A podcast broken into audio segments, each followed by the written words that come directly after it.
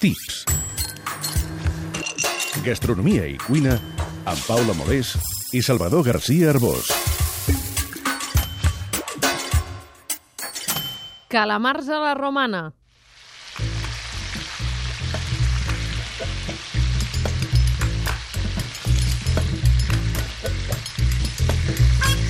Tothom té uns calamars a la romana preferits. Els vegans tenen onion rings. Bé, tots dos són fregits, es mengen amb les mans i si són bons creen addicció.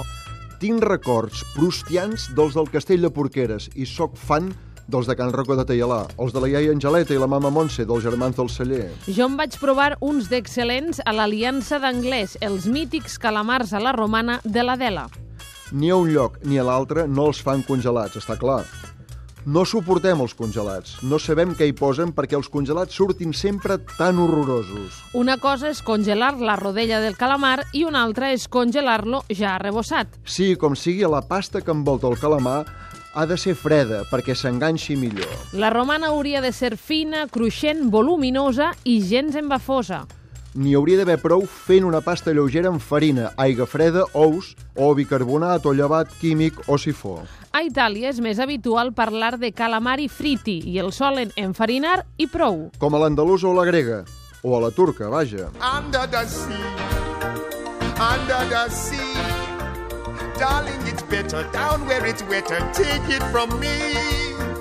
Up on the shore, they work all day. Out in the sun, they slave away. While we devoting full time to floating under the sea. El calamar té ulls, un cos allargat, dos tentacles i uns quants braços. Walt Disney el va portar al cinema amb la seva adaptació del clàssic de Jules Verne, 20.000 lleues de viatge submarí i feia molta por. El calamar és un mol·lusc, com el musclo, l'ostre, la vieira o el pop. Tots amb les seues característiques, però amb una cosa en comú, un cos tou. De calamars n'hi ha de moltes mides, gegants com els que explica Gils Verne. I calamarsets, els fills dels calamars, els xipirons, si se'n permet. Els calamars són un aliment popular.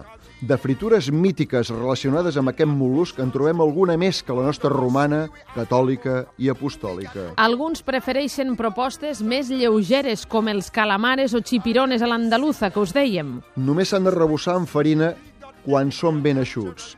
S'ha d'expulsar l'accés amb un colador sempre.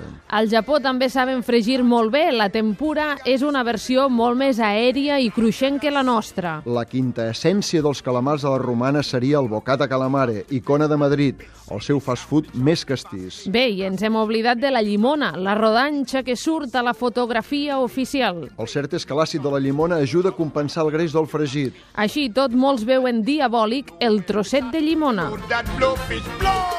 La versió escrita del Tips la podeu llegir a la revista Cuina.